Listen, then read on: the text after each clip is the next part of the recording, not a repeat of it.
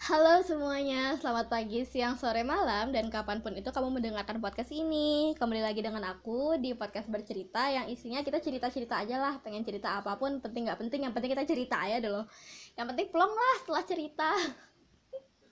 Ya ya pokoknya gitu lah ya kan tau lah inti podcast ini adalah podcast untuk cerita ya ceritain aja apa pun yang pengen diceritain di email yang udah ada di description box nanti Nah, jadi sekarang tuh aku pengen cerita suatu hal yang kayaknya akhir-akhir ini jarang kita lakukan. Ya mungkin ada nih teman-teman yang hampir tiap minggu kali yang ngelakuin ini, tapi mungkin sekarang udah jarang gara-gara keadaan juga, yaitu adalah nonton bioskop. Nah, aku tuh mulai sering nonton bioskop pas di Nangor, pas kuliah kan. Nah, uniknya itu adalah aku kan dari Padang nih. Ketika aku di Padang, bioskop yang kayak XX1, uh, CGV itu nggak ada di Padang terus aku pergi ke Bandung kuliah eh ke Nangor kuliah. Nah itu ada dong XX1 di Padang. Terus sekarang di Padang udah punya dua XX1 dan satu CGV karena aku kayak kesel gitu loh masa aku harus pergi dulu baru di Padang tuh ada bioskop yang yang proper gitu. Kesel astaga. Terus kayak ini Padang maju dulu ya. Eh ini gue harus kabur dulu ya dari Padang biar Padang maju gitu loh. Kan kan kocak. Jadi tuh mulai sering nonton tuh pas di Nangor. Pas di Nangor mulai nonton yang aku ceritain di episode Rindu Nang iya Rindu Nangor ya kangen menangor. Itu kan dibilangin kalau misalnya di sana bioskopnya cuma 25 ribu doang dong hari biasa. Makanya sering banget tuh nonton bioskop. Selain nonton sama temen aku tuh juga sering nonton bioskop yang sendiri sendirian gitu ke bioskopnya uh, aku nggak sendirian dong yang sering nonton bioskop sendiri nggak kan nih yang denger pasti juga sering nonton sendiri kan? Ini ini buat yang sering nonton sendiri sering nggak sih? Misalkan gini jalan ke bioskop terus ketemu temen terus temennya nanya e, ngapain? Pengen nonton bioskop? Oh sendirian. Iya. Terus dia tuh kayak ada ekspresi yang hah? Eh? Kayak gitu. Pasti ngerasain kan? Pernah ngerasain gak sih? Nah aku tuh pernah gitu. Tuh aku tuh pengen nonton ini kan? Pengen nonton Aladin nah aku eh Aladin iya deh Aladin Aladin ya? Iya. Eh atau Beauty and the Beast. Lupa lupa antara Aladin atau Beauty and the Beast gitu kan. Jadi tuh waktu itu adalah hari pertama atau hari keduanya si film ini tuh rilis gitu. Terus pengen banget nonton kan secara kan Disney lucu banget gitu kan sesuka itu sama Disney. Nah terus tuh nonton lah si bioskopnya sendiri. Pas jalan dari kosan aku mau ke uh, bioskopnya ketemu sama teman terus dia nanya eh mau ke mana? Aku dengan enaknya ngomong eh tolong anterin ke Jatos dong pengen nonton. Udah nebeng tuh dia uh, sampai Jatos kan so aku turun nonton. Dia nanya tuh pas di jalan pengen ke mana? Pengen ke Jatos? Ngapain? Nonton. Nonton sendiri? Iya. Emang kenapa? Kasihan banget sih lu nonton sendirian. Lah ya ya bagaimana ya kan suka bingung sendiri ya. Emang nonton sendiri salah? Kan enggak juga gitu ya. Mungkin ada faktor yang emang males lagi nggak pengen ngajak temen aja. Emang lagi pengen nonton sendiri aja. Sekedua mungkin kayak ya kalau ngajak temen nanti ngundur-ngundur-ngundur waktunya terus nggak jadi wacana lagi ya mending nggak mau. Terus ada lagi kadang misalnya kalau ngajak teman ya temennya nggak bisa juga jadi ya udah daripada diundur-undur dan nggak bisa juga ujung-ujungnya ya mending nonton sendirian kayak gitu loh nah nonton lah tuh sendirian di sana.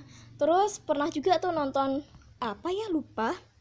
Pokoknya tuh aku malam-malam dari bios dari kosan ke bioskopnya itu.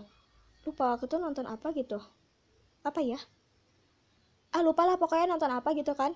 Terus eh uh, eh kayaknya pas nonton itu Woman deh. Iya deh. Eh lupa ya kayaknya nonton itu Woman waktu itu aku nontonan sendirian juga kan. Nah waktu itu nah waktu itu aku sedang jalan dari kosan aku ke gang jalan besarnya gitu kan. Terus ketemu teman ditanya ngapain? Pengen nonton? Nonton apa? Bioskop? Sama siapa? Sendirian. Serius? Sendirian? Iya. Nggak ngajak-ngajak so kayak ya emang mau kalau diajak? Kayak gitu loh. Jadi udah udah sering lah kayak orang-orang ketemu aku nonton sendirian di bioskop. Jatuh tuh kayaknya bukan hal yang baru bukan suatu rahasia lagi deh. Kayaknya orang udah udah pada tahu deh kalau misalnya aku tuh emang sering nonton sendirian di Jatos gitu kan. Karena emang seru aja gitu nonton sendirian. Hmm. uh, bicara tentang nonton aku tuh ada cerita tentang nonton terniat. Masih nonton sendirian juga ini benar-benar the most terniat aku buat nonton karena jadi tuh kan aku ini nonton si aku tuh pengen banget nonton ini loh nonton up. Eh bukan up apa? Koko. Aku tuh pengen banget nonton koko. Nah waktu itu aku tuh nggak bisa nonton koko karena si jadwal kuliah aku tuh lagi padet kan lagi padetnya lagi penuhnya. Terus uh, akhirnya aku uh, aku mikir nih uh, ntar deh kalau misalnya si hari kosong ini aku akan nonton koko di Jatos kayak gitu kan. Sabtu atau Minggu gitu ya aku rasa aku tuh kosong. Nah pas mau si hari itu ternyata di Jatos udah nggak ada lagi koko. Padahal aku udah ngeplan nih dari saya seminggu pokok dari seminggu yang lalu lah pokoknya aku udah ngeplan aku harus nonton si Koko di tanggal ini di Jatos kayak gitu. Eh taunya pas aku ke, lihat di Tix udah nggak ada lagi. Nah sedih dong akhirnya aku uh, lihat kan bioskop mana yang masih ada uh, kokonya. Itu aku lihat di bioskop Bandung. Ternyata ada tuh. Salah satu bioskop terdekat dari tempat aku adalah TSM bioskopnya Trans Studio Mall di Bandung kan. Itu masih ada koko tuh. Terus aku kayak mikir ya Sabtu Minggu ini kalau untuk pergi jauh aku masih belum bisa. Ya udahlah kayak ya udahlah kapan-kapan aja kalaupun gak bisa nonton koko gitu kan. Nah terus tuh uh, waktu tuh aku lupa hari apa kuliah. Jadi keajaibannya adalah di minggu depannya pas aku kuliah ada satu kelas yang entah dia pulang cepat entah dia emang nggak ada kelas akhirnya kita tuh bisa cepat beres gitu loh kelasnya. Dan pas lihat kelasnya cepat beres tuh aku lihat tuh jam wah jam segini ada koko nih tayang di TSM keburu nggak ya? Keburu deh. Akhirnya aku dari Nangor ke TSM Bandung buat nontonin koko. Jadi aku tuh ada teman kan yang tinggalnya dekat TSM juga so aku bareng deh sama dia naik damri. Terus tadi uh, dia bilang nanti turunnya di sini ya. Nah turun di sini naik nanti naik angkot ini ya bayarnya segini. Udah gitu. Akhirnya aku ke TSM sendirian. Nah pas sampai sana itu bioskopnya belum buka. Jadi tuh aku nonton Koko yang tayang pertama kali gitu loh. Eh pertama di hari itu maksudnya. Terus bioskopnya belum buka kan? Aku tunggu tuh di luar. Akhirnya pas bioskopnya buka aku serbu ke dalam pengen nonton Koko aku bilang. Terus masuklah nonton Koko nah si Koko ini pun aku tuh kayak ngerasa itu film yang agak mind blowing gitu loh. Jadi tuh aku tuh pertama udah mikir bahwa si Dela Cruz tuh adalah si Hector awal aku mikirkan. Si Hector ini adalah si Dela Cruznya. Jadi ketika uh, dia masuk ke alam arwah itu si Miguel itu masuk ke alam arwah nah aku tuh mikir tuh ini si orang yang dia temuin si apa skeleton yang uh, miskin itu yang udah kayak gelandangan itu tuh adalah si uh, Dela Cruz aku kirain itu adalah Dela Cruz kan? Nah taunya ternyata di sana ada Dela Cruz yang asli. Nah ada Dela Cruz yang asli aku mikir oh ya udahlah mungkin kayak emang benar nih Dela Cruz yang asli ini adalah si kakeknya si Miguel buyutnya si Miguel gitu kan. Nah tapi tuh aku bingung pas uh, adegan si Dela Cruz ngasih blessing itu loh. Jadi kan ada si petal si apa si uh, kelopak bunganya yang dikasih dari uh, Koko eh Koko dari si Miguel ke Dela Cruz yang nanti Dela Cruz tuh akan ngeblessing itu kan untuk si uh, si Koko eh si Koko lagi si Miguel biar bisa balik ke dunia normal. Nah, kalau di sebelumnya si Mama Emelda, Mama Imelda, apa pokoknya si si buyutnya si Koko itu pas ngasih blessing kan si petalnya bercahaya gitu kan. Nah, aku tuh bingung kenapa pas si Dela Cruz ini ngasih blessing si petal yang gak bercahaya gitu loh. Terus kayak kayak ini bukan kayak ini bukan buyutnya deh. Kayak ini bukan buyutnya deh. Ya udah kayaknya uh, aku udah kayak kebawa nih, nih jadi ini sebenarnya gimana sih si Dela Cruz ini? Kayak gitu kan. Tahunya pasti akhir si aktor itu beneran si buyutnya. Tapi buyutnya bukan bukan Dela Cruz tapi buyutnya tuh si aktor. So wah keren banget sumpah. Apalagi pas tahu ternyata si aktor pengen pulang kan sebenarnya tapi diracun sama si Dela Cruz dan uh, akhirnya uh, Koko cuma satu-satunya orang yang inget si uh, bapaknya ini. Dan itu gimana perjuangannya si uh, Miguel buat mengingatkan lagi mama Koko tuh langsung terharu banget. Itu salah salah satu film yang apa ya? Yang pas nonton tuh uh, rasanya tuh kayak gimana ya? Pokoknya dibilang sedih. Sedih tapi senang juga dibilang senang tapi sedih kayak happy sad gitu loh. Jadi kayak semua rasa tuh bercampur di sana. Terus akhirnya pas si Miguel boleh bermusik lagi sama keluarganya dan akhirnya Mama Koko bersanding dengan aktor dan Mama Imelda tuh langsung kayak wah keren sih. Itu luar biasa banget kerasa banget. Kayak kebudayaan tuh sangat menyenangkan loh. Itu kelihatan banget dari si film Kokonya.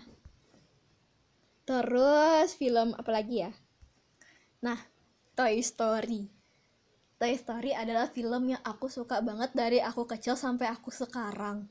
Jadi pas si Toy Story itu keluar, aku tuh termasuk orang yang awal-awal nonton Toy Story karena emang se aku harus nonton. Nah, kayak gitu tuh sama si Toy Story 4. Jadi tuh uh, pas nonton Toy Story kan juga sendirian tuh.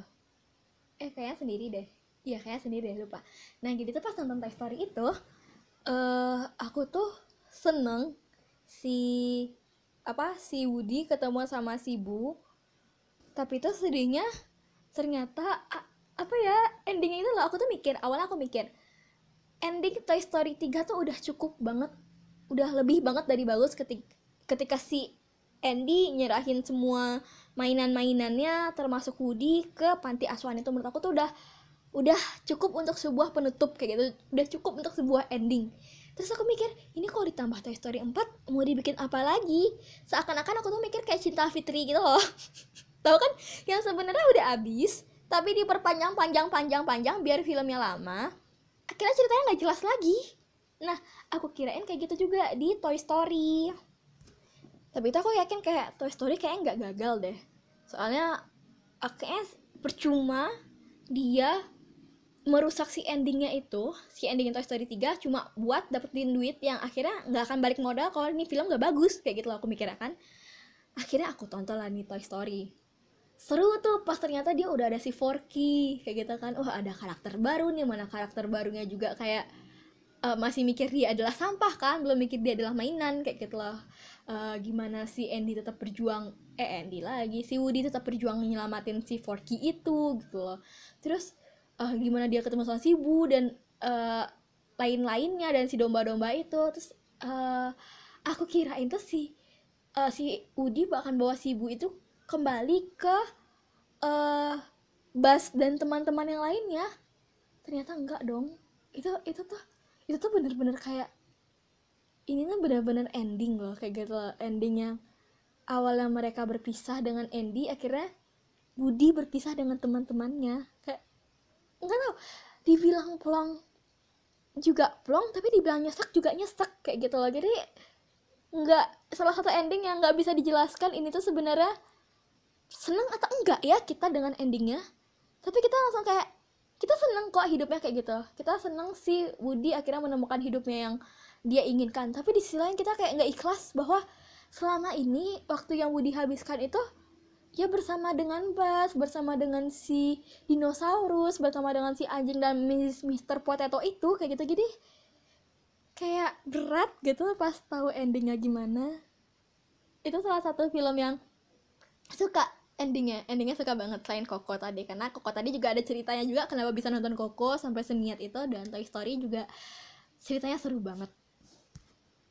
Nah, tentang nonton film terunik lagi adalah aku pernah nonton film sekelas yaitu Jumanji yang kedua.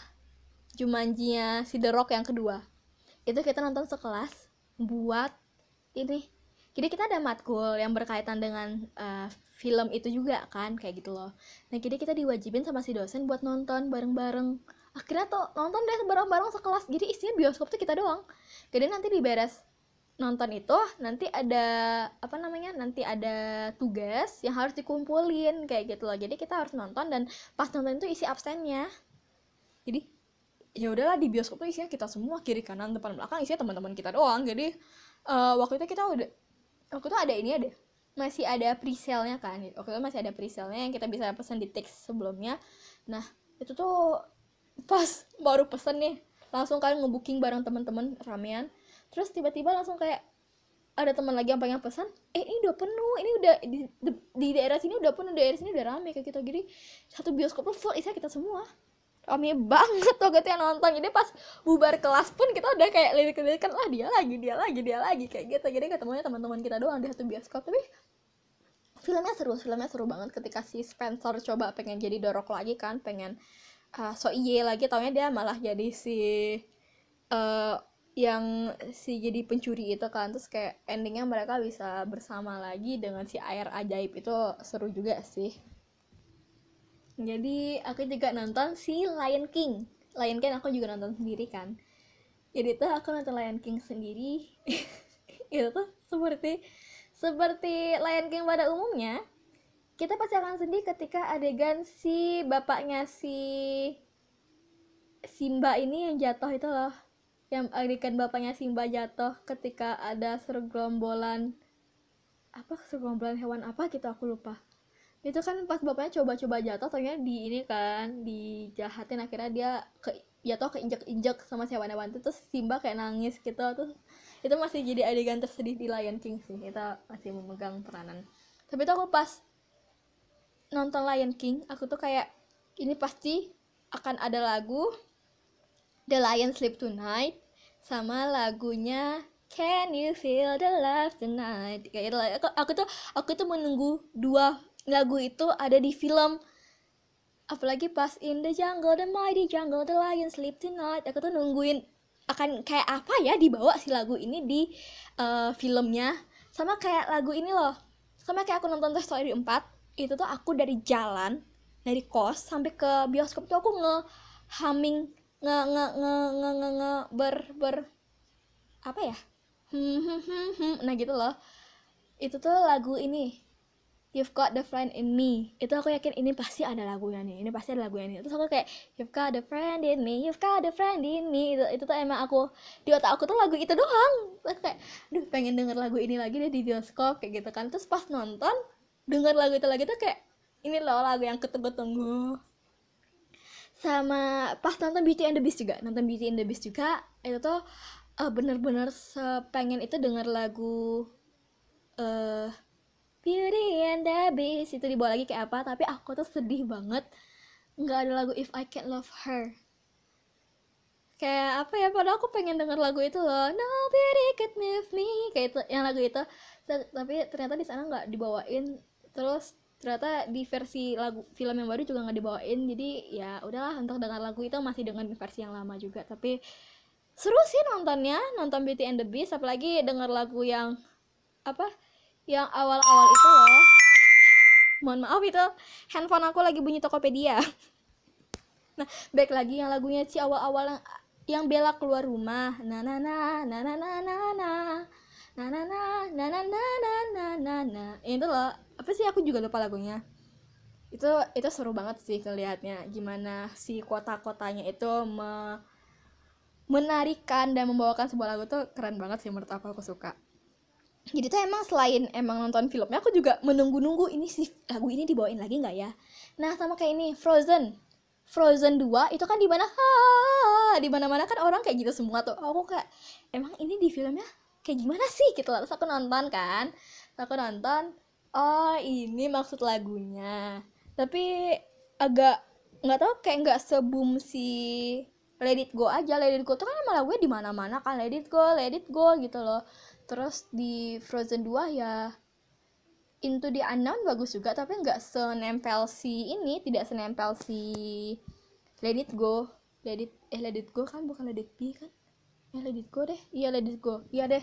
Nah tidak senempel itu kan jadi agak ngerasa lagunya bagus-bagus tapi nggak senempel itu juga.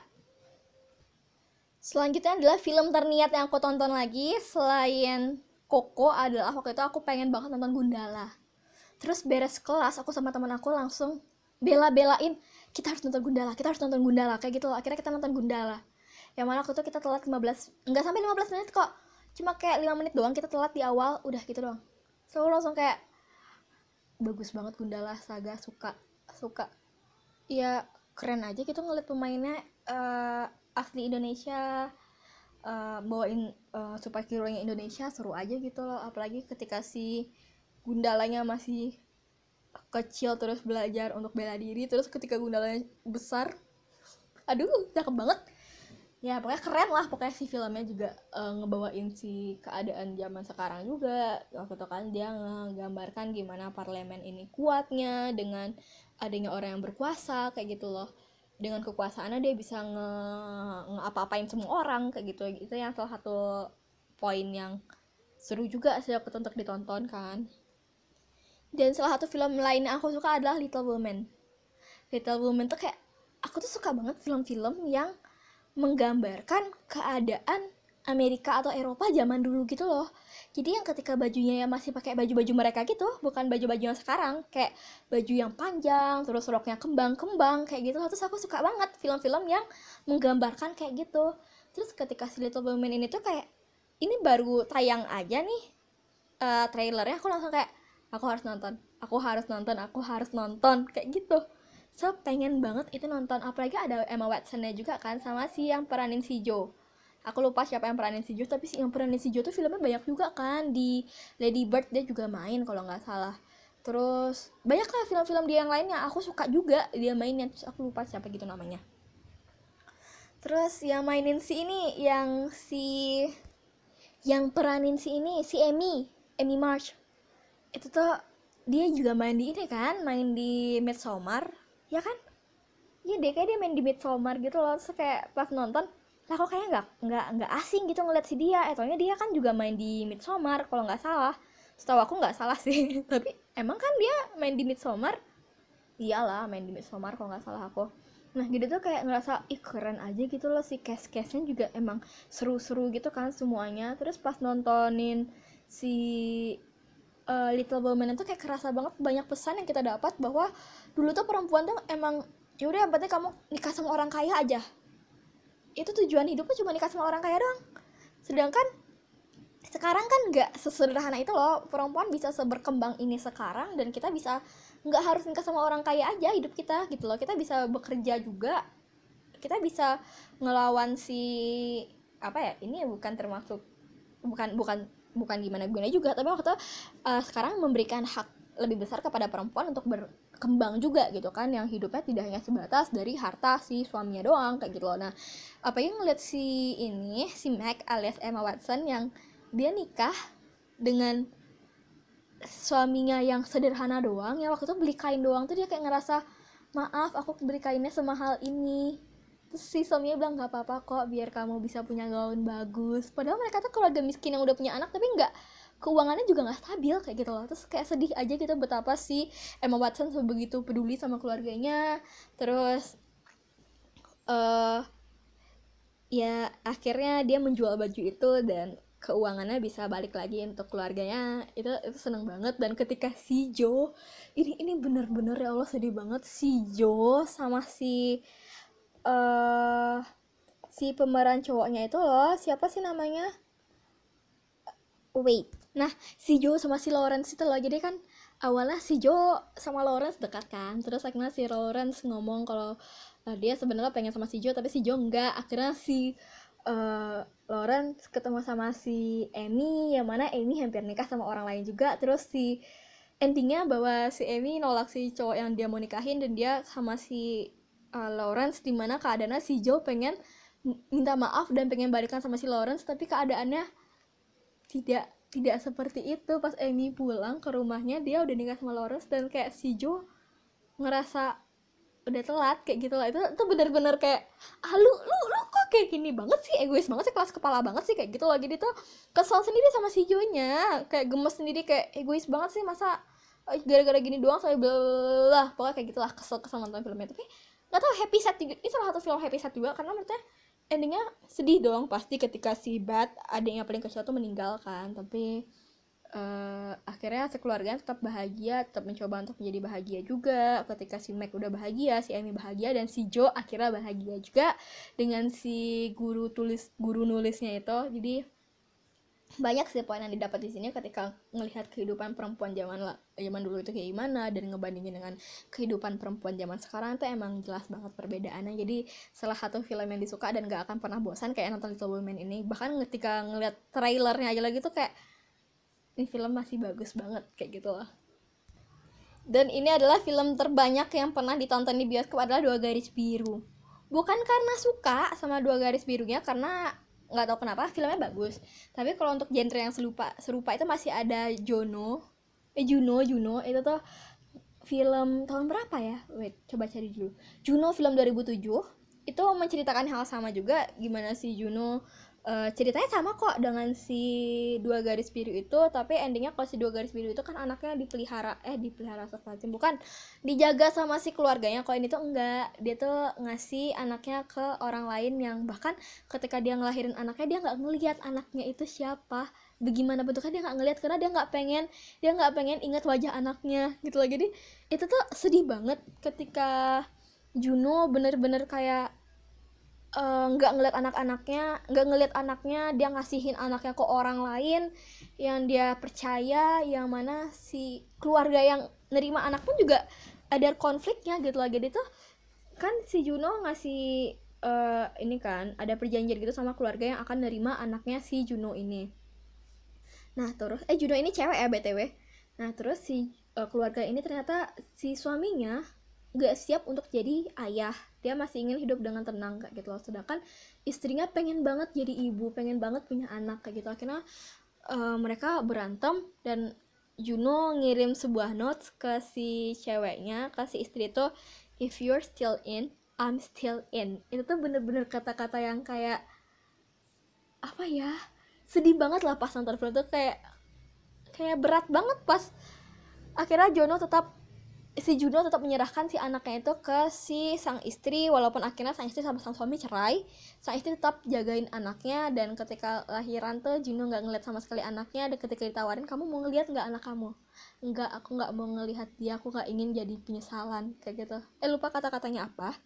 Pokoknya intinya kayak gitu. Jadi Juno masih apa ya masih suatu film yang sedih juga lah Juno tuh. Masa tapi awalnya bego gitu awalnya kocak gitu loh pas dia apa pas dia tahu dia hamil tuh I am pregnant. What? Terus kayak iya iya kayak gitu doang. Nggak nggak ada kayak aku panik enggak terus ada tuh ketika si Juno pengen ngugurin si anaknya terus dia ketemu temannya di sana kan terus dia kayak ngasih spanduk kayak ngasih dia temennya ini datang ke tempat aborsi itu untuk campaign gitu loh. All baby wants to get born all baby wants to get born kayak gitu. Jadi semua bayi itu ingin dilahirkan semua baby bayi ingin dilahirkan gitu loh itu kayak pesan moral di sana juga bagus banget untuk di, si Juno ini. Jadi kayak keren lah salah satu film yang maknanya bang uh, banyak tapi disampaikan dengan cara yang santai. Ketika si Juno itu ke sekolahnya pakai bawa perut yang udah gede kayak gitu. Jadi banyak banget maknanya ada di sana dan lebih suka Juno dibanding dua garis biru kayak gitu loh. Tapi kenapa dua garis biru ini sampai ditonton tiga kali? Karena pertama pengen nonton karena kepo. Kedua diajakin teman buat nonton ketiga temen pengen nonton tapi pengen ada temen. Ya udah nonton lagi gitu ya pengen nonton tapi pengen ada temen. Ya udah tonton lagi gitu loh. Jadi ini adalah film ditonton tiga kali ya sampai aku tuh udah hafal gitu loh ya ini pasti ada nanti kayak gini. Berarti tuh pasti ntar lagu ini yang diputar pasti berarti ini lagu ini yang diputar. Jadi udah hafal aja tuh si dua garis biru gimana filmnya. Ya itu salah satu film ditonton terbanyak. Yang kedua nonton film terbaik itu adalah si uh, Gundala. Karena kan Gundala tadi diceritain bahwa telat kan beres kelas pengen nonton Gundala telat akhirnya 5 menit. Nah akhirnya tuh kayak merasa nggak nggak boleh kekurangan sedikit pun adegan dalam filmnya. Ya udah dia tonton lagi. Nah di lain semua film-film itu alasan pengen nonton terakhir adalah kenapa pengen nonton adalah pengen keluar dari kosan. Jadi itu kan hobi banget kan ngendap di kosan gitu nggak pengen ke mana-mana. Bahkan ketika ada acara penting pun nggak ada acara bukan acara penting juga tapi kan acara kayak ngumpul-ngumpul sama teman tuh pasti kayak yang bentar ya maaf telat saking males banget keluar kayak gitu kan. Terus akhirnya kalau nggak keluar ini otak pasti mumet nih di kosan mulu gitu kan. Ya udah cara yang paling bisa untuk bikin keluar adalah beli Tix ID tiket buat nonton di Jatos itu ketika ada uang ya kalau nggak ada uang ya nggak usah kayak gitu loh. Jadi kayak ada uang tabungan dua puluh lima ribu nggak apa dua puluh lima ribu dia korbankan asalkan ini anak mau keluar gitu loh. Akhirnya beli uh, tiket bioskop tiks beli kan. Nah semikir tuh ya ngapain ya dibeli tadi? Ya Allah kan males keluar. Nah tapi karena udah beli tiket di Tix kan mau nggak mau kita harus nonton dong udah kebeli dan uangnya daripada habis ya udah deh akhirnya keluar Nah pas keluar baru tuh otak jadi seger Oh ya nanti mau beli makan ah. Oh ya nanti inilah inilah. Soalnya kalau misal alasan beli makan keluar GoFood kan ada kayak gitu loh. Jadi alasan memaksa diri harus keluar tuh selain ada acara ya juga nonton. Dengan nonton tuh kayak terpaksa harus keluar. Nah ketika udah keluar tuh kayak otak tuh jadi fresh Jadi seger. Yang biasanya mumet jadi plong gitu loh. Makanya salah satu guna Tix ID adalah biar kita nggak mumet sendiri di kosan jadi itu adalah cerita-cerita aku tentang nonton nonton sendiri nonton rame-rame ada tugas kelompok nonton bareng teman dan paksaan untuk menonton. Teman-teman gimana nih? Ada cerita ini juga nggak? Ada cerita yang seru juga nggak buat nonton? Pasti ada dong. Punya cerita-cerita yang menarik buat nonton. Bisa banget nih di share ke aku di email yang ada di description box nanti. Uh, semoga ya semoga nih keadaan sih cepet benar. Jadi bisa nonton lagi secara kan buat anak-anak penonton kayak kayak kita ya kalau nggak nonton kan sedih ya. Apalagi banyak banget tuh film-film yang di uh, undur jadinya kan. Nah aku tuh ada tuh pengen nonton onward kan waktu itu aku pengen nonton onward. Tapi udah keburu si pandemi ini bioskop udah keburu tutup akhirnya nggak jadi nonton onward. Dan akhirnya aku nonton onward beli di Google Play Store 28 ribu. Biar bisa nonton. Eh bukan beli tapi sewa.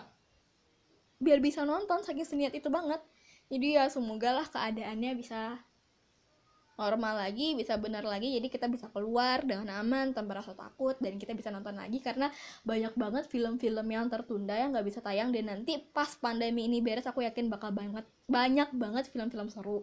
Jadi semoga kita bisa enjoy lah dengan keadaan selanjutnya. Jadi ya kita berjuang dulu aja menghadapi keadaan ini. Kalau misalnya nggak penting nggak usah keluar juga. Kalau mau harus keluar ya pakai masker hand sanitizer juga uh, face shield juga kalau perlu. Dan jaga kesehatan lah pokoknya. Kalau kita aman keluarga kita aman dan kita saling menjaga aja di sini. Aku jaga kamu kamu jaga kita dalam keadaan si pandemi ini. Jadi biar keadaannya cepat beres juga dadah